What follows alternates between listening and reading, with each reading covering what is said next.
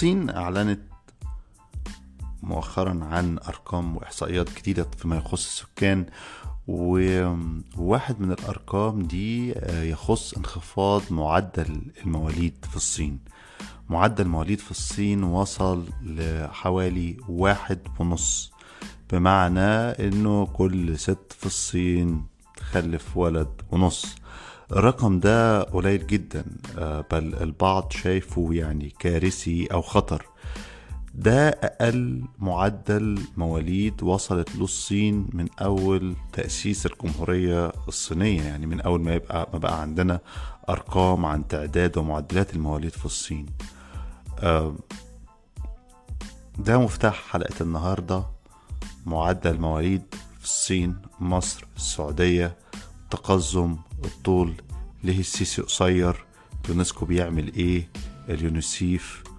أهلا بيكم في حلقة جديدة من بودكاست عشوائي مع أحمد ناجي. آه طبعا نسيت. تا تا تا تا.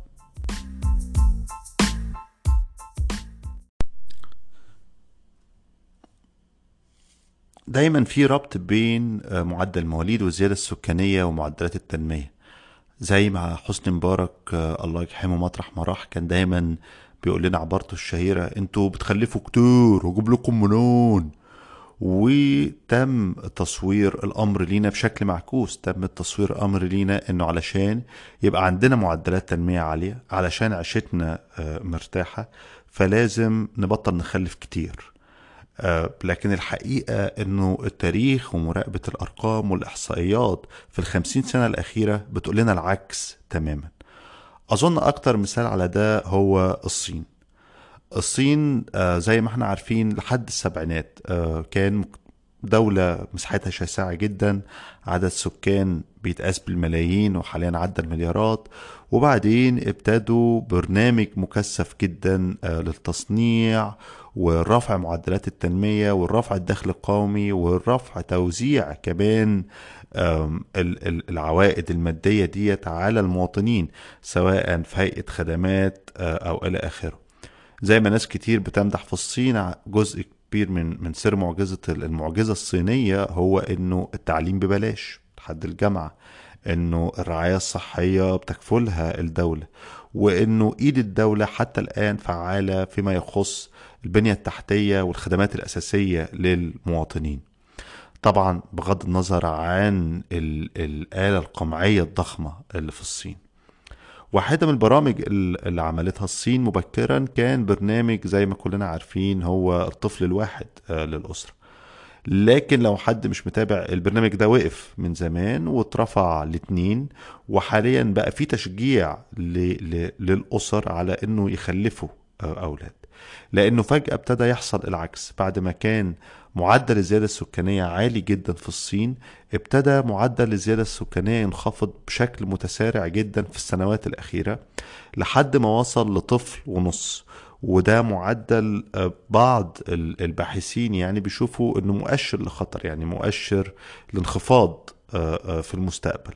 ودايما الكلام على إن المعدل المظبوط يبقى يعني إيه من واحد وتمانية من عشرة لاتنين وتمانية من عشرة. لكن المعدل بينخفض في الصين ومستمر في الانخفاض. في تفسيرات كتير لانخفاض معدل المواليد في الصين. لكن آه، التفسير المجمع عليه هو إن إحنا بنشوف في الصين في اليابان في دول كتير جدا العلاقة الطردية بين معدل الزيادة السكانية ومعدلات التنمية. بمعنى الدول اللي بيحصل فيها معدلات تنمية عالية اللي مستوى حياة الفرد بيتحسن ودخله بيزيد والرعاية الصحية بتزيد والتعليم بيزيد بيقل فيها معدل الزيادة السكانية. في حين العكس بيحصل في الدول الفقيرة.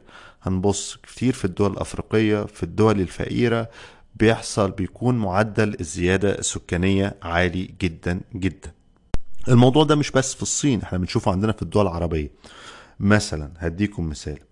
السعودية المملكة السعودية العربية معدل الزيادة السكانية فيها سنة 1960 كان 7.2 يعني 7.2 من عشرة. بمعنى إنه كان المتوسط بتاع كل ست سعودية كانت بتخلف حوالي سبع أطفال. تمام؟ في نفس الوقت آه، ده ده إمتى؟ سنة 1960 كان معدل سبع أطفال لكل امرأة سعودية. المعدل ده انخفض على مدار السنوات بشدة جدا. تزايد الانخفاض ده تحديدا من سنة 1980 مع التوسع في السياسات التعليمية. بشكل محدد وفي تعليم النساء لحد ما وصل معدل الزيادة السكانية في السعودية الآن السنة يعني من سنتين حوالي آخر إحصائية شفتها 2018 2019 معدل الزيادة السكانية في السعودية وصل ل 2.3 من عشرة يعني بدل ما كانت الست السعودية في الستينات بتخلف حوالي سبع أطفال أصبح المتوسط الآن للست والمرأة السعودية بتخلف طفلين. في مصر طبعا حالة بقت من الفشل التام. إحنا مثلا في مصر معدل المواليد في مصر في معدل المواليد في مصر في الستينات أو معدل الخصوبة في الستينات كان ستة وثمانية من عشرة. يعني الست المصرية كانت غالبا بتخلف ست أطفال. مثال شهير عندنا زي ده الست تحية آه، آه، مرجمة لعبد الناصر. لكن معدل المواليد ده حاليا في مصر 2000 يعني 2018 2019 وصل لكام؟ وصل ل 3 و3 من عشرة. يعني السعودية اللي كانت سنة 60 المرأة فيها بتخلف سبع أطفال بقوا وصلوا الحمد لله بقوا بيخلفوا اتنين وشوية. مصر اللي كانت الست بتخلف فيها في الستينات ست أطفال وصلوا بقت الست بتخلف إيه؟ تلاتة تلات أطفال وتلاتة. ولذلك بيفضل مشكلة الزيادة السكانية اللي بنعاني بيها في مصر واللي حلها واضح جدا إنه مرتبط بارتفاع معدلات التنمية.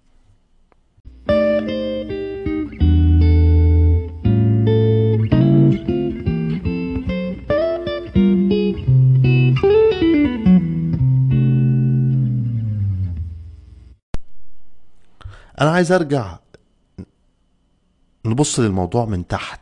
بلاش نرجع خلينا نطلع قدام أو ننزل تحت نبص للموضوع من تحت ها؟ من تحت الجيبة ومن تحت البنطلون ومن تحت الكولوت هو الناس بتخلف ليه أصلا؟ الحقيقة إنه شايف إنه الكلام اللي هقوله ده عموما أي حد تحت ال 35 أو يمكن تحت ال 40 ممكن ما يفهموش شوية تمام؟ آه بس أعتقد أي حد فوق ده ممكن يفهمه. خصوصا لو مصري أو من بيئة أسرة متوسطة فما تحت. الناس يا جماعة بتخلف ببساطة شديدة علشان تلاقي حد يرعاها لما تكبر. يعني الناس بتخلف لسببين. لو الناس دي أغنياء عندها ممتلكات وثروات فهي بتخلف عشان حد يشيل اسمه عشان تورث الممتلكات دي. الخلفة مهمة في عملية نقل ال ال السلطة ونقل وتوارث الثروة. اللي ما عندوش فلوس ولا ممتلكات بيخلف علشان الطفل ده أو الأطفال يبقوا هم ممتلكاته يبقوا هم رأس ماله يبقى هو العصاية اللي بتسند عليها لما يكبر.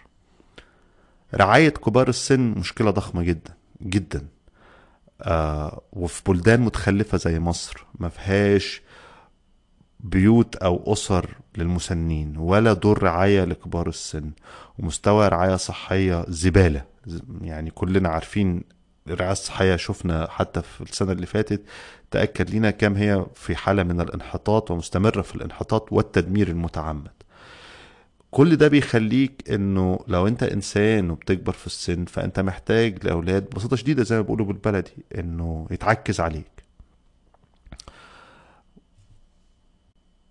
وبالتالي هنلاحظ دايما إنه الناس الفقراء في مصر اللي بيشتغلوا آه، صنايعية اللي بيشتغلوا عمال عمالة غير مستقرة آه، الفلاحين آه، البوابين وبالذات في الفلاحين وفي الأرياف كمان إنه الخلفة معناها إنه بيبقى عندك إيد عاملة يشتغلوا معاك في الأراضي الزراعية يزودوا يعني. وبالتالي هنا العنصر الاقتصادي في موضوع الخلفة هو عنصر أساسي جدا. وما ينفعش نعكسه ما ينفعش نقول إن إحنا عشان نحسن الأوضاع الاقتصادية لازم نبطل خلفة الحقيقة هو هو العكس اللي بيحصل لأنه طول ما الأوضاع الاقتصادية سيئة طول ما أنا كإنسان مش واثق إنه أنا لما هكبر في السن هلاقي دار رعاية أقدر أروح أعيش فيها تمام؟ أو رعاية صحية أو إنه آه هلاقي آه آه رعاية اجتماعية لما أكبر طول ما أنا مش لاقي ده فأنا هستمر في الخلفة. لأنه محتاج حد يرعاني لما أكبر ومحتاج حد يورث سلطتي لما أموت وأغور في ستين داهية. ف وده الوضع من تحت. لما هن... لو هنبص الوضع من فوق لو لو فتحنا عملنا يعني بالداتا عملنا كده منحنى بياني لمعدل السكان في مصر ومعدل التنمية في مصر هنلاقي فعلا الارتباط واضح جدا. يعني لما تبص على معدل الزيادة السكانية في مصر تلاقي زي ما قلنا انه هو كان لحد في سنة 1960 حوالي 6.8 من عشرة تمام؟ فضل ينخفض بشكل تدريجي وانسيابي تماما لحد وصلنا مثلا يعني من من أقل المعدلات اللي وصلنا لها في سنوات 2006 و2007 وصلنا ل 3 من عشرة. حلو؟ وفجأة من أول 2008 ابتدى المعدل ينخفض تاني مع سيرة الرئيس السيسي أه لحد ما وصلنا ل 2015 و 2016 وصلنا ل 3.4 من عشرة و 3.3 من عشرة. لو حطينا معدلات التنمية هنلاقي ده نفس الكيرف اللي خده معدل التنمية في مصر في السنوات الأخيرة وإنه إزاي الاتنين مرتبطين ببعض. وهنا بنوصل للنتيجة إنه ما ينفعش الأزعة اللي مخلف أربعة ده يطلع كل شوية لنا إيه أنتوا بتخلفوا كتير؟ هو بتخلفوا كتير. لا هو الحل بتاع الخلفة الكتير ده مش إنك تفضل تقول للناس بتخلفوا كتير بتخلفوا كتير. الحل هو إنه الناس تبتدي تحس بأثر التنمية الاقتصادية تحس بتغيير في حياتها تحس بتحسن في مستوى الخدمة الصحية وتبتدي الدولة والمجتمع يتحرك ويتعامل بشكل مختلف مع مشكلة كبار السن. الحقيقة إنه الاعتماد على الشبكات العائلية والأسرية لرعاية كبار السن أنا أنا ما بفضلش ده. يعني أنا شخصيا لما أكبر أنا مش عايز ولادي يبقى عندي 75 سنة ومضطر أفتح رجليا وأرفعهم علشان ابني أو بنتي يغير لي البامبرز عشان أنا مش قادر أروح اشخ أنا عايز من دلوقتي يبقى في أنظمة راسحه الدولة بتاخد مني ضرائب أو أنا بدفع فلوس أو أنا بحوش بشكل خاص علشان لو كبرت واحتجت أقدر أخش أي دار رعاية وأقدر أعيش فيها بفلوس مش مضطر إن أنا أتحول لعبء على أسرتي أو عائلتي نقطة تانية كمان مهمة وهي إنه معدل الزيادة السكانية ده دي مش مشكلة خاصة بمصر ولا مشكلة خاصة بالدول الفقيرة بس دي مشكلة خاصة بالعالم كله. إحنا كبشر على سطح هذا الكوكب حياتنا ما ينفعش تقدر تستمر طالما استمر معدل زيادتنا بالشكل اللي هو فيه ده وطالما استمر طبعا طريقة إدارتنا واستخدامنا لموارد الدولة دي. يعني ببساطة شديدة باستمرار معدل الزيادة السكانية ده مش هنقدر نوفر بروتين لكل البشر دول. تمام. وهنضطر طول الوقت بنبعد عن مصادر نبحث عن مصادر أخرى البروتين مسألة زي إنه في الصين بياكلوا الحيوانات البرية أو بياكلوا الخفافيش أو أي حاجة من ده واللي هي أدت إلى الكورونا. ما هو المسألة ديت ناتجة لإنه الناس كتير والناس دي كلها محتاجة تاكل بروتين. فما ينفعش أصلا كل الصين ديت تاكل آآ آآ لحم بقري. وما ينفعش حتى لو هياكل لحم بقري وخنزير مش كفاية. يعني يعني ممكن يعني يعني أنا فاكر من فترة كنت من كذا سنة كنت شفت فيلم تسجيلي بس حوالين معدلات استهلاك الصينيين للحوم الخنزير وإزاي بيستوردوها من كل حتة في الدنيا لأنه الإنتاج المحلي بتاعهم مش مكفيهم. وبالتالي الناس محتاجة بروتين عشان تنمو عشان تتغذى. فبيدوروا على مصادر أخرى للبروتين. تبتدي من أول أكل الحشرات لحد الحفافيش الخفافيش إلى آخره. وإحنا في مصر وفي الدول العربية على فكرة هنضطر كده. دي مشكلة بيئية. معدل الزيادة السكانية دي مش بس مشكلة خاصة بالتنمية بنعاني فيها في مصر أو على طريقة السيسي أجيب لكم منين؟ لا دي مشكلة بيئية كمان. وحل المشكلة البائية ديت بأنه يبقى في عدالة في توزيع موارد البلد في تضامن إنساني بين البشر وفي عدالة بيئية وعدالة في التنمية. لو مستوى البشر كله ارتفع لو مستوى الرعاية الصحية تطور في بقية الدول هيبتدي تلقائيا معدل الزيادة السكانية يقل ويوصل لدرجة نقدر نتحكم فيه. ويبقى بشكل ما ثابت. لكن لو استمر النظام اللي إحنا فيه ده إنه مجموعة من البشر بيستحوذوا على آه، أكبر نسبة من الثروة في العالم وبالتالي بيستهلكوا أكبر نسبة من موارد الكوكب لمصالحهم الشخصية والخاصة ولمنفعتهم. لو استمر هذا الوضع فالمزيد من البشر هينزلوا تحت خط الفقر. وبالتالي لما هينزلوا تحت خط الفقر مش هيبقى قدامهم أي وسيلة لتأمين حياتهم ولا معيشتهم إلا بالتناسل والخلفة والزيادة والزيادة والزيادة. إلى آخره إلى آخره.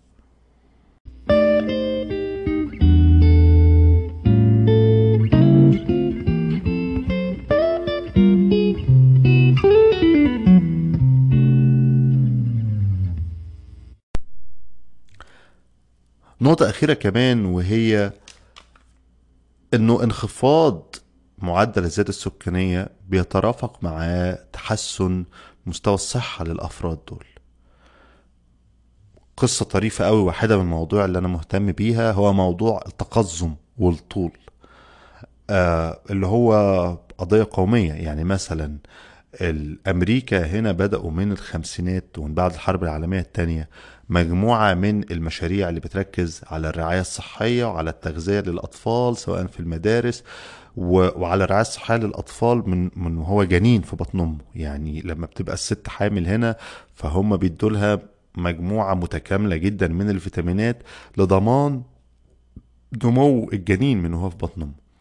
الصين كمان في آخر 30 سنة ابتدت تركز على ده والصين زي ما إحنا عارفين كان فيها مشكلة تقزم إنه متوسط طول الصينيين ما كانش مرتفع والناس قصيرة معظم الوقت. ابتدت الحكومة الصينية آه، برنامج متقدم جدا لتطوير الرعاية الصحية والتغذية للأطفال والحل مشكلة التقزم. لحد ما وصلنا الوضع اللي إحنا فيه ده لو أي حد راح الصين أو مش راح الصين لو بتدرس في أي جامعة في أمريكا أو أوروبا هتلاحظ إزاي إن الولاد والبنات الصينيين الأجيال الشابة اللي من سننا أطول مننا. تمام؟ مش بس أطول مننا دول أطول حتى من البيض. طبعا الموضوع معقد جدا في الصين كمان لأنه له أسباب اجتماعية زي مثلا إنه الطول بيعتبر ميزة اجتماعية مهمة جدا في الصين. عندهم مثل كده أو حكمة يقول لك إيه؟ الطويل ذكي ووسيم والقصير آه، تخين وغبي دايما. وبالتالي في حتى ربط إنك ممكن تروح تتقدم لواحده ولو عيلتها لقوا إنك قصير لو أنت قصير بالنسبة لها هيرفضوك. في حين إن لو طول لو طويل سواء واحد أو واحدة فرصك في الجواز والاشتراك وال وال والإقتران بشريك طويل بتزيد. في المقابل في الدول المتخلفة واللي بتعاني من زيادة في معدل السكان زي مصر فبنعاني من مشكلة اسمها التقزم. التقزم دي طبعا بيجي معاها التقزم والأنيميا والسمنة المفرطة اللي هو الثلاثي الأمراض اللي بقى مسيطر بشكل تام على الأطفال في مصر. الموضوع التقزم والأنيميا ده زاد جدا وبقى خطير جدا لدرجة إنه السيسي والجيش والمؤسسة العسكرية دخلت في الموضوع. آخر ثلاث سنين لأنه بقوا هم في الجيش التعيينات آه، آه، بيعانوا من عملية اختيار وإن هم يلاقوا ضباط وجنود لدرجة إنه آه، كان زمان أنتوا عارفين لما بتروح الاختبارات بتاعة الجيش إنك تخش الكلية الحربية ولا الكلية مش عارف إيه ففي معدلات للطول ومعدلات للوزن. آخر خمس سنين خفضوا معدلات الطول في بعض القطاعات. لأنه ما عادوش لاقيين عيال طوال. العيال بتتولد عندها مشاكل ضخمة جدا في في التقزم ناتجة من سوء التغذية ومن سوء الرعاية الصحية. اليونيسيف تدخل في الموضوع من كام سنة وبحث مع الدولة التوسع في الموضوع والسيسي أطلق حملة لمكافحة التقزم. الموضوع مضحك طبعا أنا مش عايز أخسر. مش عايز أخسر منه وأسخر منه بس أنا فاكر من سنتين أما شفته كان طالع واقف كده واقفة وحواليه الحرس بتوعه طبعا المشهد بتاعه دايما بيبقى واقف وحواليه الحرس واقفين وهم طوال كده وضخام وهو أزع منهم بيفطسني من الضحك كل مرة. بس كان طالع في المشهد ده وعمال يتكلم عن التقزم والطريقة بتاعته دي ورعاية أطفالنا والدولة لازم تتوجه والدولة لازم ترعى. وأطلقوا فعلا حملة قومية بقالها سنتين لمكافحة التقزم الحملة دي بقى بيحصل حاجة عجيبة جدا. لو أنتوا دخلت جربت تعمل سيرش كده على حملة مكافحة التقزم في الجرائد المصرية هتلاقي الحملة دي عبارة عن إيه؟ عبارة عن إنه مثلا إيه؟ محافظ القليوبية صور نفسه هو نازل المدارس وماشي يعدي على المدارس ويحطوا العيال على الميزان ويطولوهم وشكرا. أنا مش فاهم هما بيعملوا إيه الحقيقة. بس من الأخبار اللي منشورة إن هو كل محافظ بينزل ويلفوا على المدارس واضح إنه بيلموا زي database واضح إنه إحنا في مرحلة متخلفة جدا إنه مش عارفين المشكلة واصلة لحد فين. فإحنا في مرحلة إن هو بيحاولوا يكونوا قاعدة بيانات. بيلفوا على المدارس يوزنوا العيال ويوزنوهم مش بس الوزن الفعلي على الميزان لا الوزن الفعلي ووزن نسبة الدهون عشان مشكلة تانية هي زيادة السمنة لأن العيال ما بتاكلش كويس بتاكل أكل غير صحي وبالتالي بيبقى في عندهم زيادة في الوزن لكن الزيادة ديت هي عبارة عن دهون وفي نفس الوقت عندهم أنيميا. يعني تشوف الطفل ماشي زي البرميل كده تخين زي كيس القلبص لكن تكشف عليه هو عنده أنيميا وعنده تقزم هو أزعة وقصير فهم قاعدين بيلموا البيانات دي ويقيسوا العيال. أنا طبعا مش عارف إيه الخطوة الجاية. يعني يعني ما هو أنت طبعا علاج التقزم ده محتاج إنه تحسين مستوى الغذائي. آه، آه، في مصر كانوا مثلا في مصر من عشر سنين بيحطوا لنا فيتامينات مع الدقيق. عارفين أنتوا الموضوع ده؟ في مجموعة في مجموعة فيتامينات كده بيحطوها في مصر مع الدقيق اللي بيستخدم في العيش. آه لتحسين جودة الأكل وتغذية المواطنين وكده. طبعا أنا مش عارف مصير ده وصل لفين دلوقتي. برنامج الفيتامينات في الغذاء بشكل غير مباشر اللي كان شغال. برامج التغذية في معظم المدارس شبه متوقفة. ومعانا طبعا الدكتور طارق شوقي وزير التعليم والانتقال إلى التعليم أونلاين. فبالتالي ما عادش فيه تغذية بتوصل للأطفال دول. فأنا مش عارف هم هيعملوا ده إزاي. علاج مشكلة التقزم ده معناه ببساطة شديدة إنك بتصرف على الرعاية الصحية بتصرف على المستشفيات بتصرف على المدارس. وزي ما إحنا عارفين دول أكتر حاجتين النظام في مصر غير مهتم بالإنفاق عليهم. حاجة تقرف مصير كابوسي الحقيقة. حلقة كئيبة معلش.